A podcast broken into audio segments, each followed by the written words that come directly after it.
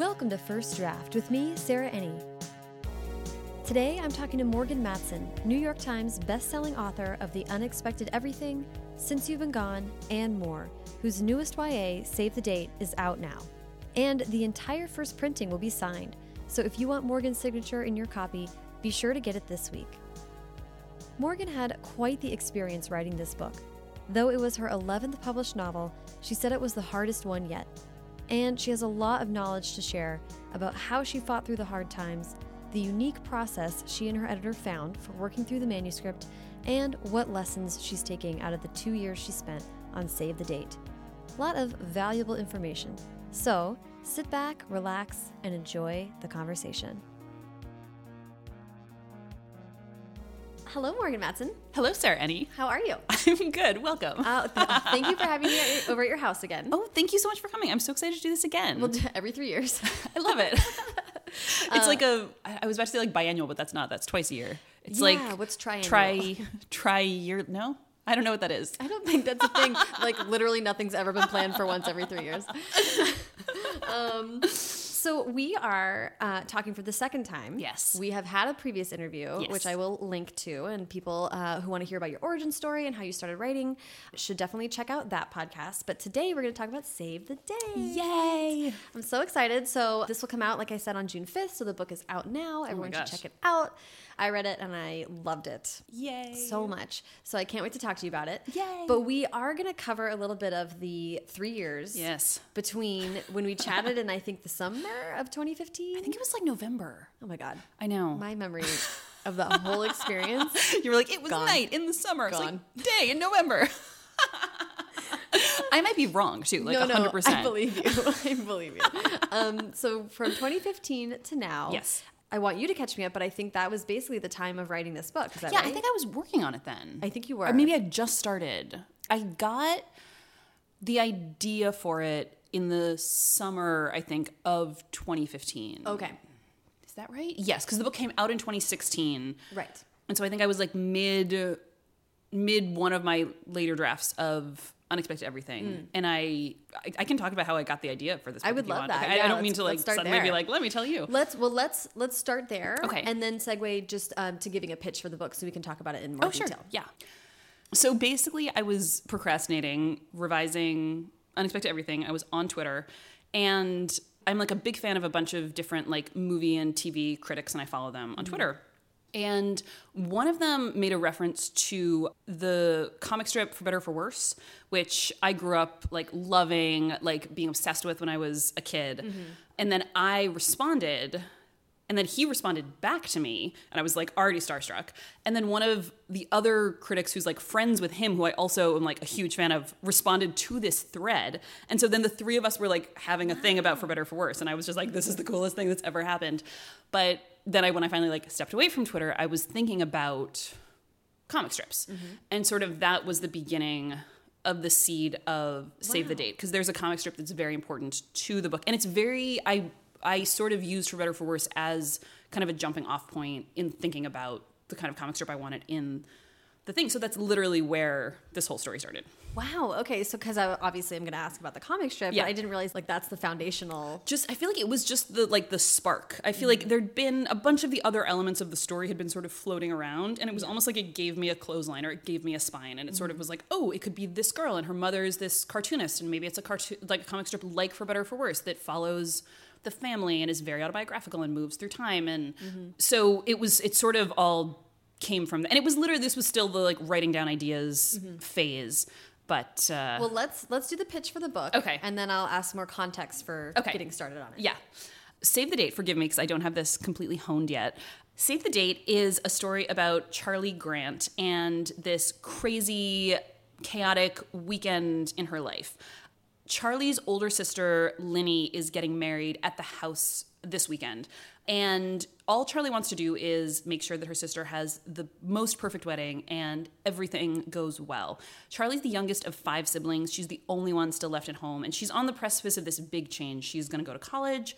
Uh, her mother writes this long running, beloved comic strip that's coming to an end this weekend. Her parents are selling their house. So, in the midst of all this change, Charlie's just trying to make this one perfect weekend. You know, she misses her siblings. They're all going to come back. She just wants everyone to have this great weekend at home.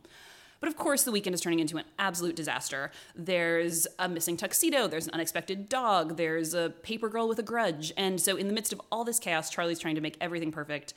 There's also her longtime crush, Jesse Foster, is back in town. The assistant wedding planner is very cute. And so Charlie's just trying to keep her head above water, make sure everyone has a good time, and in the process, sort of realizes that this family she idealized and thought she knew everything about might have more secrets than she realized, and that sometimes in trying to hold on to the past, you can miss out on the future. I love that. I think I would be correct in saying like a characterization of this book is that it's sort of like a like a wedding farce. Yes, absolutely. Farce Yeah. is that's sort of the operative word, and that sort of came in in about the third draft where I was really focused on pacing and. Mm-hmm. But yeah, I love farce, and I like love reading or watching like plays that are farce. And then it was like halfway through this book, I read a quote by Michael Frayn, who wrote what I think is the best farce of all time, "Noises Off." Where he he talked about how it was the hardest thing he'd ever written. It took him ten years, and his like prize-winning novels and his like Pulitzer-winning plays were much easier than his like backstage door-slamming farce. And I was like, I wish I would have seen that quote before I started writing this. Michael Frayn, thanks for that. Amazing. oh my god. Basically, I want to walk through how this book Yeah. like how it progressed because I know it was a challenging book for you to write. This was funny because this is either my fifth or my eleventh book if we count my secret identity books. but I'd done enough at this point that I was like thinking I had a handle Some on things. kind of a system down. I did not. This was the hardest. I think this was the hardest book. It was the longest process. It was the most drafts. It was the most revision, which is interesting to learn when you're five slash eleven books in to something. Yeah. That sort of it really kind of knocked me for a loop. And there were a number of times during this process where I kept saying to my editor, I was like, maybe we call it. Like, Wow. let's call it. Like we've been working on this for two years, like or a year and a half or whatever it was. Excuse me. Like maybe I just write something else. Wow. And like he was kind of like, no, no, no, it's okay, just keep going. But I think if like one of these drafts had sort of not, I think he might have honestly at this point he'd been working on this for two years with me, and I think at some point he would have been like, yeah, let's call it. Yeah, time to. Yeah. Well, let's do a little bit more of establishing. One thing that struck me when I was re-listening to our 1st Mm-hmm. conversation was the delineation that you had between your writing as Morgan Matson Mm-hmm. and your writing as Katie Finn. Was that Katie Finn was a little bit more lighthearted Yeah. and fast-paced, Yep. funny, and Morgan Matson, as the writer, deal, Uh-huh. was like dealing with a little bit darker stuff, more emotional. Yeah. and it tied into you talking about writing plays when you were in high school that were either one or the other Yeah, kind yeah, of in your mind. And I was thinking about that with Save the Date because Save the Date is like straddling to those two things. A little bit, yeah. So I was wondering if that might have been part of the challenge is, was maybe of finding that balance. It might have been. I think I don't outline as a rule, and I think that's going to change now because if I think if I'd outlined this book, I would have saved myself about fifteen hundred pages that I didn't necessarily have to write. Like, Oh my gosh. yeah, because I think my problem going into this book, I think also when you're writing your fifth book, it's a little bit you get a little bit like I got this, I know what I'm doing. Like, Uh-oh, get I- cocky. I, thought unexpected everything was challenging, and in like looking back, I'm like, you fool, you knew nothing, uh, you know nothing, Morgan Matson. But I sort of hadn't realized that I was changing format in a big way. And I think you need to. Like, one of the reasons I wanted to write this book was I wanted to challenge myself mm-hmm. in a number of different ways. But I sort of didn't realize that in challenging myself, like, I might need to change other aspects of my oh, writing process. So my last three books all took place over a whole summer. They all took place over three months, and I feel mm-hmm. like I had that kind of time frame in my head. Like I had the structure kind of baked in of like, mm-hmm. you know, it's a the Fourth of July is about the middle of the book. It's like you sort of know where you are in the summer, so you know where you are in the book, and I feel like that's really a helpful, you know, sort of shorthand. And it allows me to find the story a lot as I write because it sort of lets you kind of meander, do other scenes, It provides external goalposts. Yes. Or markers. Exactly. And then you can also do the thing where it's like three weeks passed. Right. And not much changed. And then now we're jumping back into the moment where things change. This book takes place over three days. It originally took place over four. Okay. We lost a whole day in the first draft. And so I feel like I didn't know how to write a book in a compressed timeline like that because mm-hmm. I was basically telling everything because I didn't know, I was finding the story so I was telling like every moment of every day, like mm-hmm. every bagel run, every like I didn't know when to jump ahead yet because I didn't know what was important to tell in the story. Well, yeah, when you only have so much time. And I just didn't the structure of this was the hardest part. The first draft of this was 690 pages. the second draft of it was 720. Like it was like I couldn't Wow. I couldn't figure out like literally because this now like it's it's basically it's like Friday, Saturday, Sunday. Like even in the second draft, Friday ended on page 450. And it was just like, oh my God, we have a whole other day of this. And it was just like the structure of it was so challenging for me. And I feel like if I'd had an outline, if I'd sort of thought through the story ahead of time as opposed to just doing what I always do, which is like, oh, I have I kind of have an idea for some scenes. I know the ending. I've thought a lot about the characters. Here we go. Like if I'd really broken down and that's what I ended up doing. I think in the third draft, it was kind of Yeah, like, okay, say, now, must have gotten there at now let's point. outline, like for God's sake.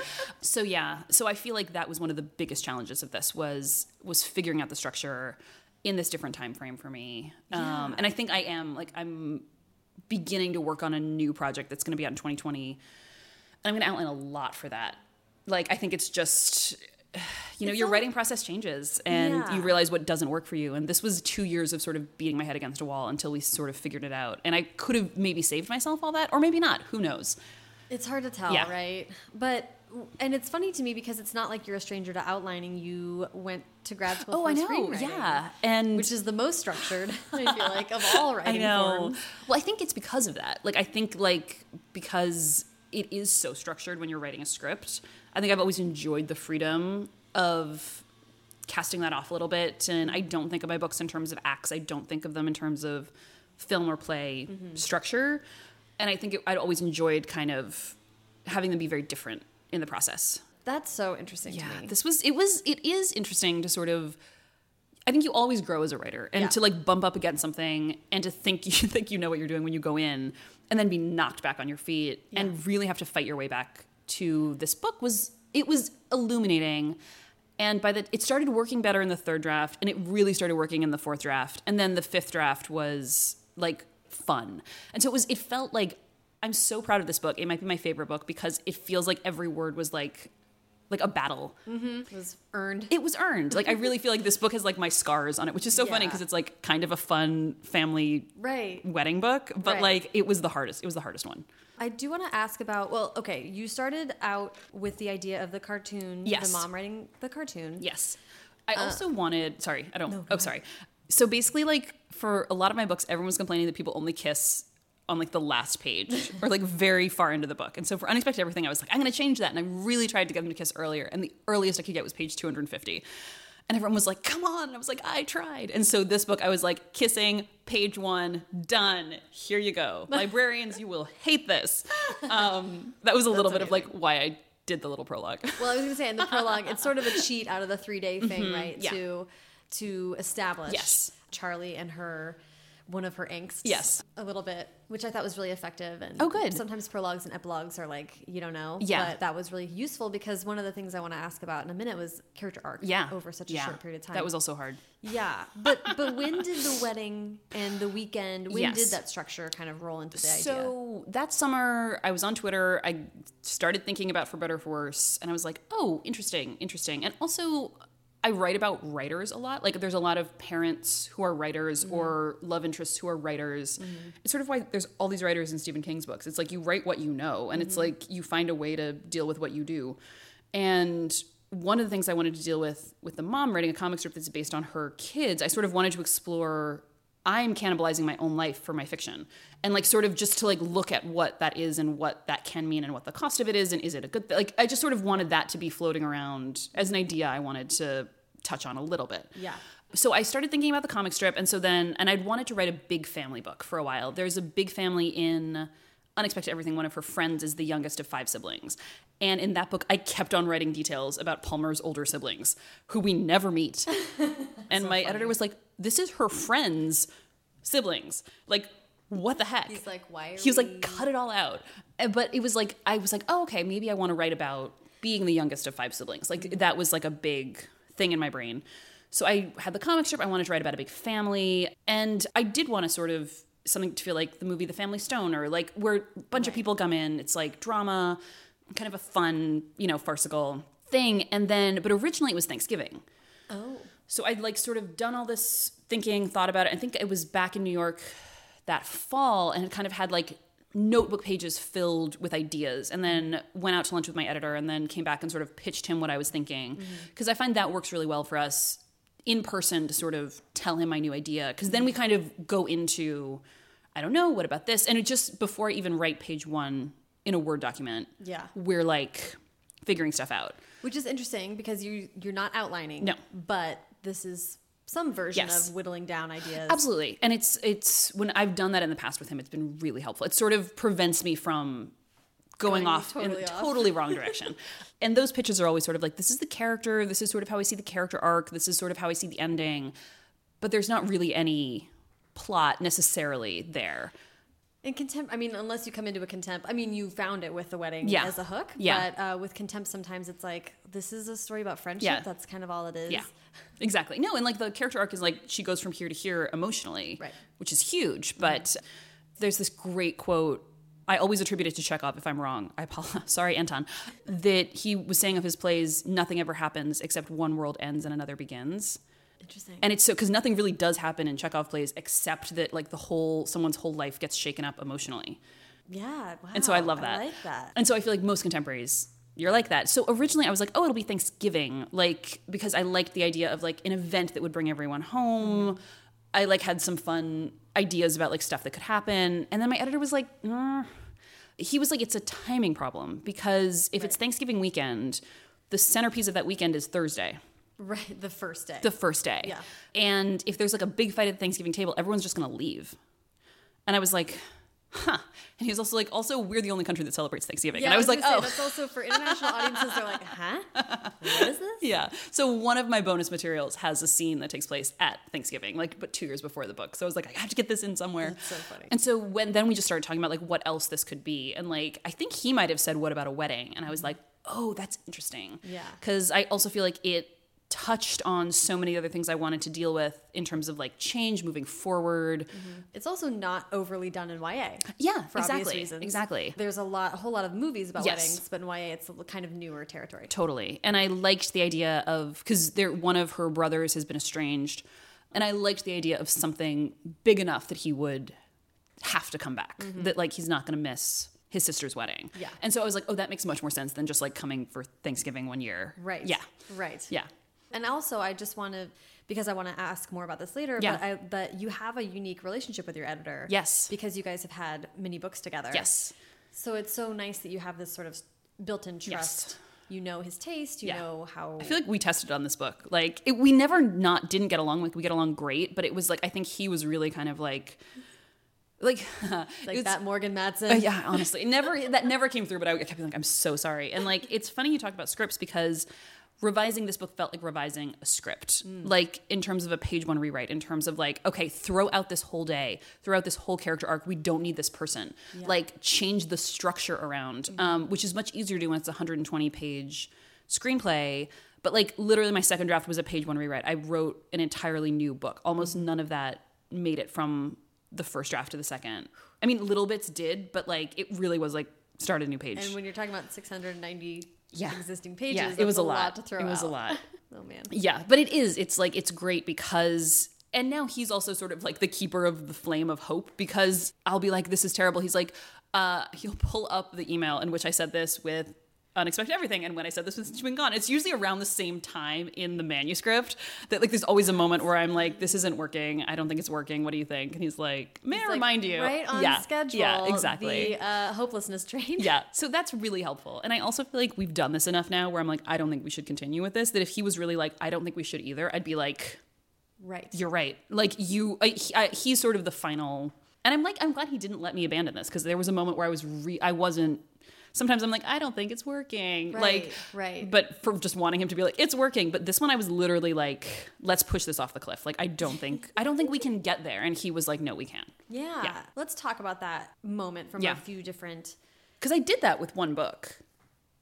Tell, let's hear about that. So basically, the book I wrote Amy and Roger, and like this is the thing that I feel like is so hard between first and second books, as you'll find out soon, Sarah. Mm-hmm. Oh, oh my God. Here we go. You're like, oh no, like, give me advice, please.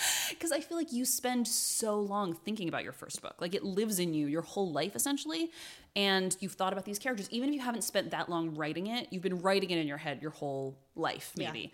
and then you turn in your first book and they're like okay we need another one in nine months and it's like if you're on this schedule that publishers will love to put you on like okay how about a book next year Yeah. so i finished amy and roger and they were like okay next book next year and i was like "Mm." and i just didn't have anything that was like dying to be told i would spent so long living with these people and i didn't know at that point that i could be like i don't want a book out next year i didn't know that i could push back But also, could you have? I mean, Oh, I totally could have. I mean, I didn't. I just didn't. It's almost like I didn't know I had the permission Right. to do that. Well, I think a lot of authors, because you do have a relationship with your editor mm-hmm. and you have had many books out. Yeah. I feel like you do have more like clout. I think Yeah. some newer writers would feel like well, really yeah, and like nervous back about in the day, for time. this was a different editor too. But it was like my first book had just come out. You've spent so long trying to be published. It feels weird to be like, I need more time. Mm-hmm. Yeah. So I wrote, I, I like sent in some book ideas. They were like, this one's fine. And I wrote a book, or not, they were like, yeah, sure. Yeah. And I was like, okay. I hadn't spent as long thinking about the characters, and it was just really half baked, and it wasn't working. And I mm-hmm. forced myself to write this draft and turned it in. And then a few weeks later, was like, you know, put this in a drawer. I need to write another book. Good for you. And then that became Second Chance Summer because I knew it wasn't the right book. So I have done this once before. Okay. So like I do feel like sometimes I'm like, I don't know if it's working, but sometimes I'm really like, should this be in a drawer? Yeah, well, and which maybe is part of why you're like, uh, uh, Yeah, uh. yeah. having that experience. Yeah. must must have been a bummer. It was actually it was such a flawed book that I kind of I think it, if we'd actually gone through with revising it, I think it all would have fallen apart in revision pretty quickly. But I have strip mined it. Like I like stole the last line of it for the last line of Since You've Been Gone. I've like stolen character traits for people throughout. There's a bunch of stuff from this should have been a sign. There was a bunch of stuff I used from it for the first draft of Save the Date, like a bunch of subplots that like got completely excised. But there was like a whole thing of like trying to save a movie theater that was like being closed down. There was a whole movie theater subplot in Save the Date in the first draft. That's amazing. Yeah. So like uh, yeah. so I've, I've gotten some use out of it. Well, that's that's so interesting. Yeah. So let's dive a little bit into it because I am interested in how you, once you had the wedding conceit, you knew you were on so many days. Mm-hmm. Yep. Um, it was a struggle to get there, but I also want to hear about how you were thinking about character arc. Yeah. How much a character? There's really only so much your character can go through in three days Yes, it's true. Yes. to get there where you want to go. Yes. how did you think about that? like figuring out Charlie's character arc, I don't think really coalesced until draft four.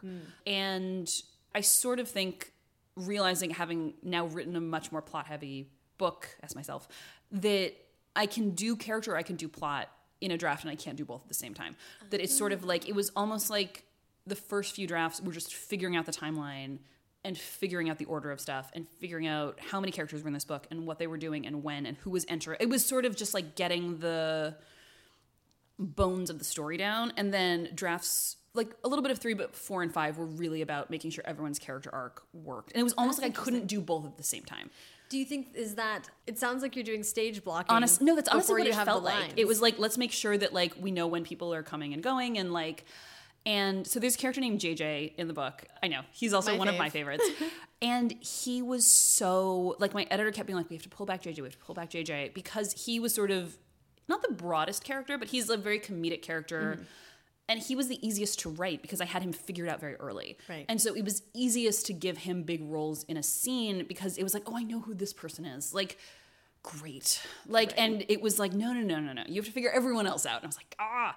But so, yeah, I do feel like the first few drafts were just, like you were saying, like, who's entering, who's exiting, what's the cast of characters, what's the time frame, what do all these scenes look like? And Is then I could sort of build, really work on, strip down the character arcs and the whole thing with Mike kept changing. Charlie's relationship with Mike, her brother, like the reason he was estranged from the family changed like four times. Interesting. Like there was just a lot of like internal character stuff that I had to Yeah. really drill down on. Which it seems like d- is your work process usually the reverse? Are you usually going from character to plot? Yeah, like usually I sort of have a vague I have something that kicks off the story. Mm-hmm. And then it's usually about like character growth within that story. Yeah. Since You've Been Gone was a little different because I did have the sort of device of a, a list. So it was sort of like that was sort of structuring the story that each chapter was going to be doing one of these things, Mm-hmm. but one of those things would lead to character growth. So it was definitely different for me to sort of feel like plot was leading and then I was figuring out characters within it. Yeah. Definitely different for me. It's interesting, and I'm trying to relate it to my writing experience. I guess I think I come up with plot or a hook 1st and then kind of develop the characters Yeah. as it goes. And that's like, I don't recommend that. it really does take a long time. Yeah. Because you work out the plot and then you're like, oh, but who are these people and what do they want? And that inherently then changes the plot. Well, and this one was just, I've never had a book where people are so reactive because just stuff keeps happening and they have to scramble and Right. deal with it. um, and you don't want to lose what they want and who they are at the beginning and who they are at the end. Mm-hmm. Um, but I do like writing sort of flashpoint stories. Mostly it's a summer. It's like without the summer, these people would be totally different. Right. And so it was hard to bring this down to just three days because, you know, it is just three days That's a lot. yeah, short it's a lot to happen. But it was sort of one of these moments of like, if someone isn't really looking at things care it was sort of the culmination of she spent a long time with rose colored glasses on she spent a long time deeply in denial and like this is the time where it all sort of comes out mm-hmm. I do want to ask about that with Charlie's character. Mm-hmm. You're writing a first person character. Yes. Who and she's just reluctant to change. Yes. That's her arc is that she needs to accept change Yes. in her life. But that's a real challenge. it that was also one of the problems with figuring out her character arc was that it it's not that she doesn't want anything but what she wants is for things to stay the same Right. which is like it seems passive and it seems not and so i feel like when we sort of tweaked it so that it was like no what she really wants actively is to give her sister the best Right. wedding possible that sh- that helped a lot And there's so much external Yes. with the wedding. Like Yes. these things need to actually happen. Yep. So she's being propelled through the Yes. world anyway. Yeah. But it is but it was harder it was i feel like there were a number of sort of subtler things i was trying to do in this than i've ever done before like i feel like the thing i don't want to spoil too much for people but i feel like the relationship with jesse and the relationship with danny i don't think i could have written those relationships four years ago like because i feel like it's there, it's a lot of gray in this book You said that you want to be challenged by this book. Yeah. Is that what you mean, or did you mean definitely Just, okay. one of those things like i one of the challenges i wanted to do a short time frame i wanted to do a big cast there's Mm. so many characters in this book and like there were so many characters in unexpected everything and i was like let's do more and so just like small time frame big cast like big fun events. And also yeah i wanted some of the relationships in this book definitely play on shades of gray in terms of Mm-hmm. like who's a good person who's a bad person. Like can people be different things to different people? Like just and i feel like i wanted kind of to live in that. Mm-hmm. and i feel like that was getting that right was hard. Well, I w- and I was going to say part again. She does want things to change, but also Charlie has seen things a certain way. Mm-hmm. Yeah. forever. Yes. and so it's a whole thing to show something Mm-hmm. and show the reader what Charlie's thinking, how she's interpreting it, but make it obvious Yeah. enough to the reader that she's something else is going on that she's missing the signs Yeah. yeah. that was also finding that balance was hard but i sort of did also she's my oldest protagonist i've never written someone who's like on the cusp of going to college Oh, really? And i didn't want to go to college and i don't like change and so i really sort of wanted to delve into that a little bit because i thought that was interesting because i feel like in so many of the books people are like hurrah off i go and like I was like, I, I want to dig into someone who's a little bit like, I don't know if I want to go. I like my life here. I like things as they are. And just like, we've all had those moments where life is coming for us. It's a bullet train. And like, we don't necessarily want to jump off. It's like, we're just kind of cowering in the corner. Yeah. Um, and so I sort of wanted to explore that a little bit. And also the um, because obviously you did go to college several times, in fact. Uh, I know. I could not stop going after that. you know what I love about it is, and this is something that I like exploring in my own writing too. So I feel like I was really connecting to it in your book. Is the idea that you are being nostalgic about the present Yeah. moment Yeah. and wanting something to be. And the wedding is such a perfect way to talk about that. Totally. is like she wants her sister to have this thing. Yeah. And she has such a m- clear vision of what the weekend is going Mm-hmm. to be, and then it just, it just is not anywhere near Yeah. that thing. and I think it's just nostalgia can be really dangerous. Like, Very. and I hopefully that comes through a little bit. That it's sort of like if you're spending way too much time imagining how the past was, Yeah. you're missing out on what's happening right Or now, or you're lying to yourself. Like it might not have been that way. And like she has this thing where it's basically like the world has watched the idealized version of her family. And so it's like that much easier for her to buy into this. Yeah, let's. So there's two ways I want to talk about Okay. that. One is with her romantic life. Uh-huh. Let's just do that really quick because, as you mentioned, there's a prologue Mm-hmm. that deals with Charlie and uh, Flame. uh, I'm like, how do we? I don't want to spoil anything ever, but It's like literally the first page. She's like making out with a boy named Jesse Foster, who she's like loved her whole life. whole life Yeah. and has had, yeah, just Yeah. this child since childhood crush. And like showing him over three days changing in her mind was I thought really done really well. Oh, good. And so, and of course, I had a crush on another character in the Yeah. book. There's a Uh, very cute wedding planner's assistant who shows yes. up. Yeah. and I thought that was also done very well because it was like, in three days you have the time to develop a crush, but Yeah. like truly not. Yeah. You know. Yeah. much else necessarily. um, but that seemed to me like on this compressed time frame a really interesting way to have her pivot Mm-hmm. and rethink everything through like, oh, if this is true, what else is true? Yeah. There's not really a question in there, but No, but I also feel like it's, you know, I feel like we're all guilty of that. Like even now in adulthood, it's like you have an idea of someone in your head. And like sometimes you can hold on to this idea for years. Yeah. Like and it's just not the case. And it's not their fault. right. It's Right. they're who they've always been. It's just you've been thinking one thing. And you're holding them to the some standard that they've never agreed to. that no one could ever. I mean, it's Yeah. just yeah. Yeah. But I feel like didn't you do that in high school? Like you like have a crush on the person and they like exist in your brain. Oh yeah. Like you have this whole relationship with them in your mind. There's actually, and it's such a it's such a thing with like celebrity too, right? Like we, as- some types of celebrities too. It's like you start to feel like you really know Oh, them. totally. This happens to me all the time now because I listen to podcasts so Uh-huh. much, and podcasting is such like an intimate Oh form God, of yeah. entertainment. Yeah. So then you're like, wait, I uh, I know how someone feels about this. Totally. like, oh, my friend was saying this the other day. Just kidding. Actually, it was a comedian on a podcast Yeah. saying this, and it's just like such a funny My weird. friend, the comedian. yeah, it's like such a weird, funny gray area. Yeah. Well, and also like this didn't come through. This was like originally in the first draft. I was trying to hit this harder, but I feel like with Instagram, with Instagram stories, it's like it seems so intimate and it's like this idealized version we present to the world.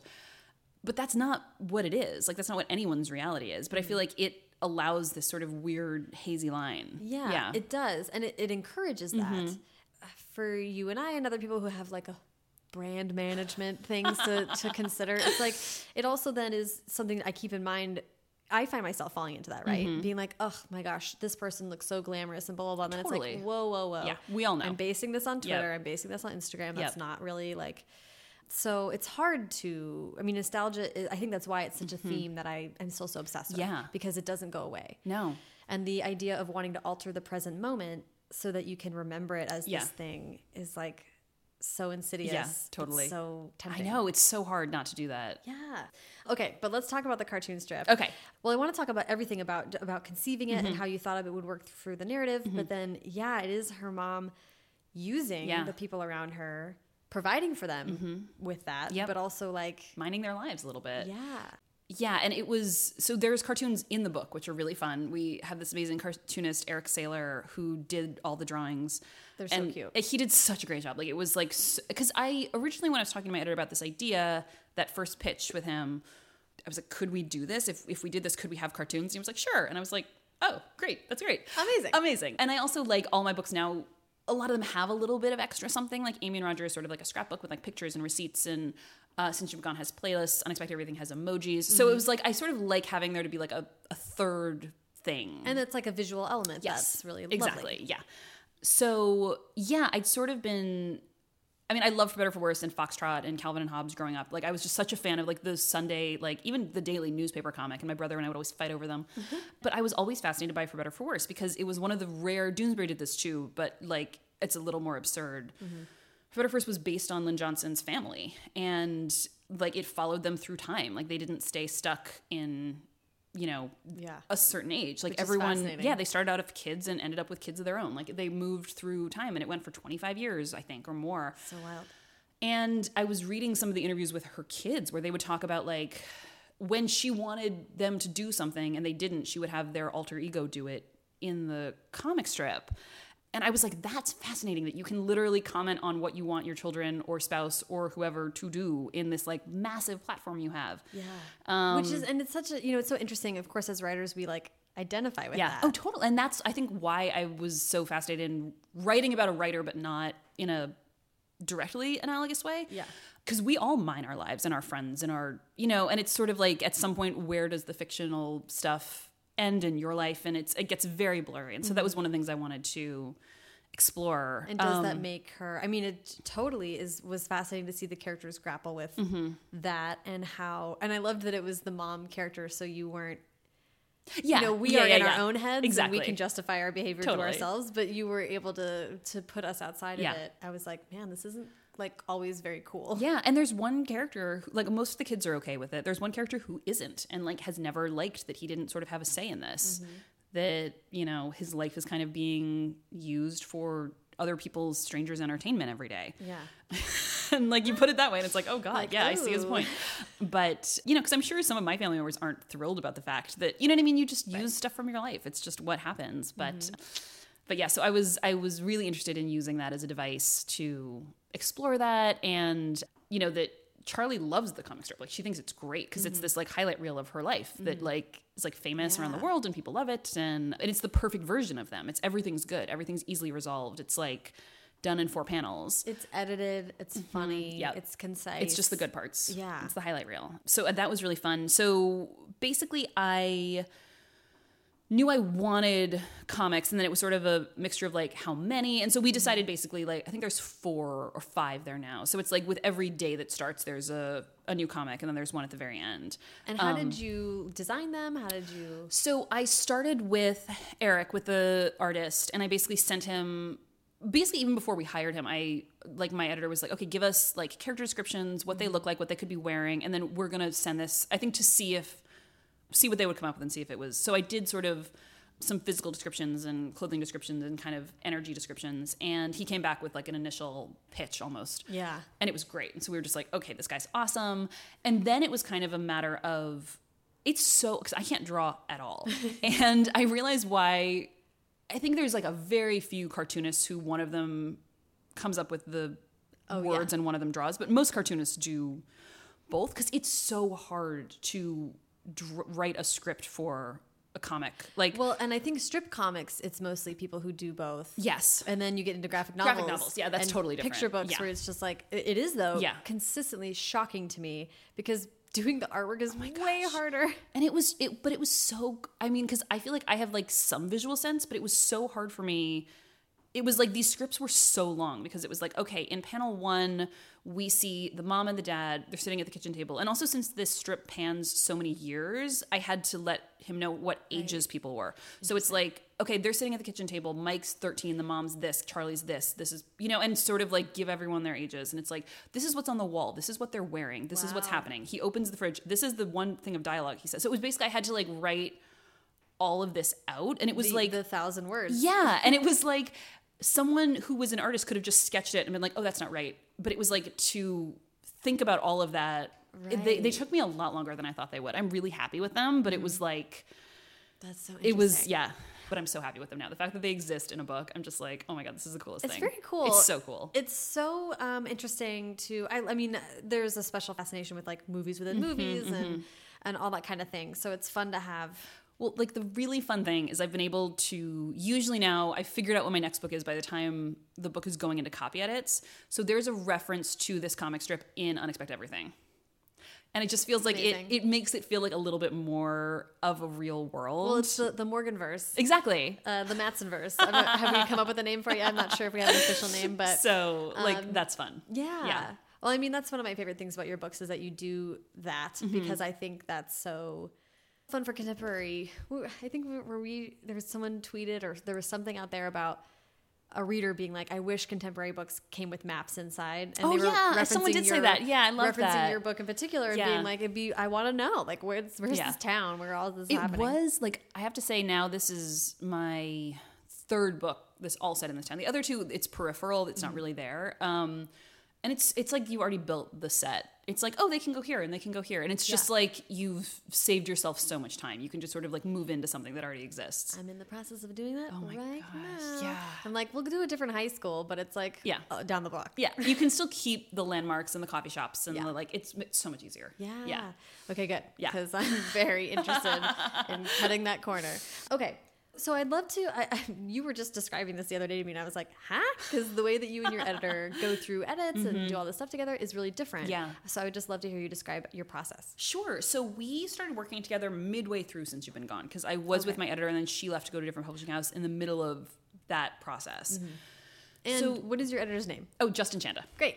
He's the best. So we've basically done this the way it's been working now for two books, um, and it's very different. And I don't know if I would have been able to roll with it in the beginning of my career, or maybe he knows I can handle this now. It's just, I explained to a lot of people and they're like, no. so basically, I don't tend to revise a lot before I send it to him. Uh, I kind of finish the first draft, read it through. I mean, I've spent the whole time reading it through for like spelling mistakes. Like I'm every time, every day when I finish writing, I print it out. I read it with a pencil and paper. You know, little things I don't like, like little turns of phrases, spelling typo. I mean, and so I look at it. You print it out every day. Yeah, That's I did not know that. yeah. I used to be an editor, and I don't know if it's like I like the pen and paper. I feel like I see things differently Oh, when yeah. it's on the page. That's real. Mm-hmm. And sometimes I wait till the next morning to read it through, but so I make little corrections as I go, and I Mm-hmm. write in order. So by the end of it, it's like a fair, fairly clean. It might have massive problems, but it's fairly Right. clean. There's no spelling mistakes. so I'll finish it. I'll email it to him. He usually reads it in a day or two. Like he reads it. Well, we're usually running late, but he us- he reads it. Sometimes it'll take a week, but rarely more than a week. Okay. Then he'll call me. We'll get on the phone for three and a half to four hours. And like we always, I like to say this in one of my acknowledgments. It's like the first time we did this, I was like, we've been talking for an entire Lord of the Rings movie.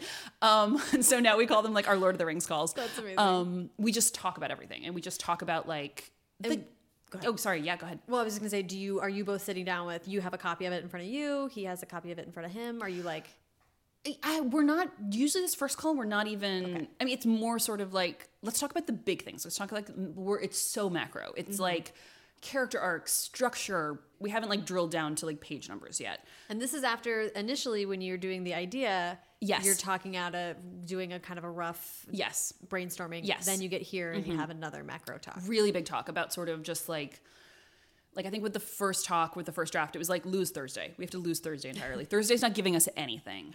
Like Thursday's gone. Get out of here. Get out of here. And I think in the beginning he was a little bit like, uh, and now I'm like, no, let's get rid of it because he's like, this whole subplot needs to go, and I'm like, no more movie theater. Like, and I'm fine with that because like I feel like I overwrite so much that it's like helpful for me to find out what we can lose. Right. So we have a really, really long, really good talk, kind of about everything. And then about a week later, he'll send me a letter. Like usually, I think they start about twenty or thirty pages Okay. that sort of goes into what we talked about, but also then breaks it down by mm. what we talked about. Like, okay, Charlie, this arc, this problem, this thing, mm-hmm. Danny, Mike, JJ, like sort of mm-hmm. breaks it down by character, breaks it down by Charlie's arc, the setting, the time frame, the whatever. So he'll overarching things and then he'll break it down by the subjects that we talk about mm-hmm. during the conversation. And in there, is he doing any like here's a solution? Is he suggesting things or is he just pointing out issues? I feel like a little bit of both. I feel like that stuff comes more in the conversation. Mm. And then in the letter, it's sometimes like, as we talked about, maybe think about losing Thursday. Like, maybe Right. think about this. Maybe. And but a lot of times it's like find another way to do this. Yeah, And then- because it's not always. I feel like a lot of times editors are so good at finding problems. Yes. And at least I've found in my life that most of the time I'm like, you nailed it. Yeah. But then every time they're like, what about this solution? I'm like, wrong.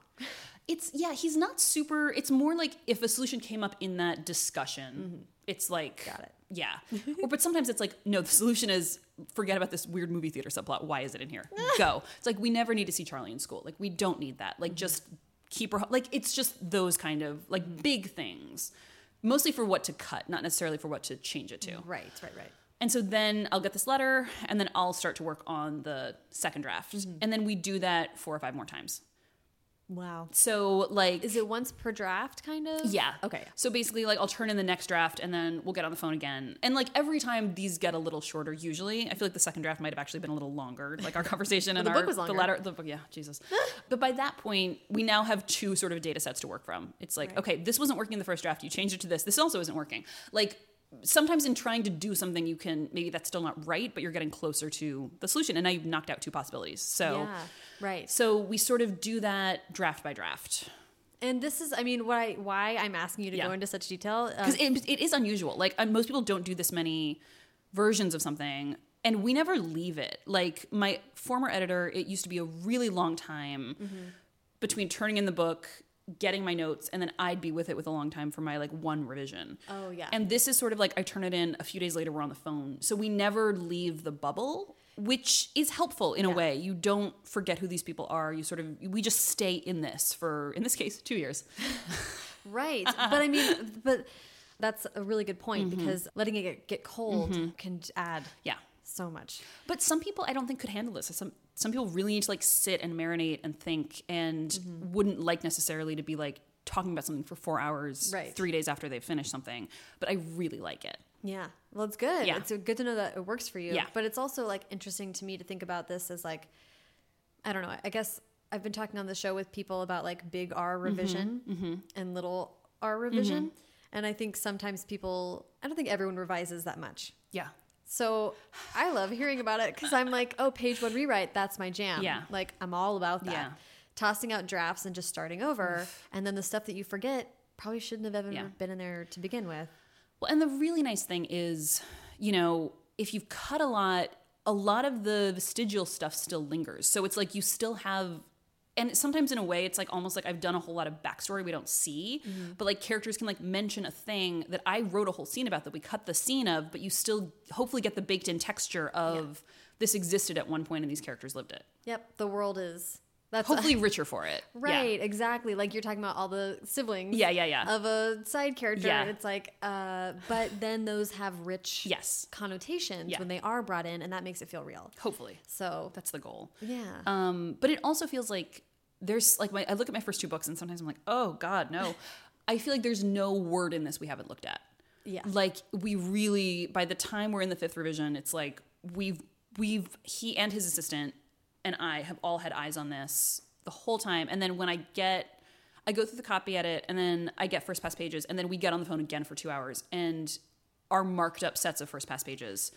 And we go through, do you have anything on page one? Yes. Do you have anything on page? We go through the whole manuscript together. Wow. One last time. So I feel like it's whenever my books come out, I'm like, oh, we've this has had eyes on it on every word the whole way through. Yes. Which is And a relief. It also makes it see, I mean, like, that's a real, real, like, partnership Yeah, with you and your editor. totally. Like, his hands Yeah. are all over this. Yes. Which is great. Yeah. To that level of trust. Yeah. Totally. And For a he's creative endeavor is amazing. and he's I love that he's so willing to let me zig and zag. You know what I mean? Like this this is different than my other books. There's not a central romance. There's not a it's not a summer thing. Mm-hmm. It's about family, it's about a wedding, it's on a weekend, there's a comic strip. Like it's a lot of different Yeah. elements. And he was like, "Sure. My new book is really different than anything I've ever done." And he was like, "Great." And I it's like so different and he's fine with it. And so I love that sort of feeling like he's letting me go where the ideas are taking me. Yeah, that's awesome.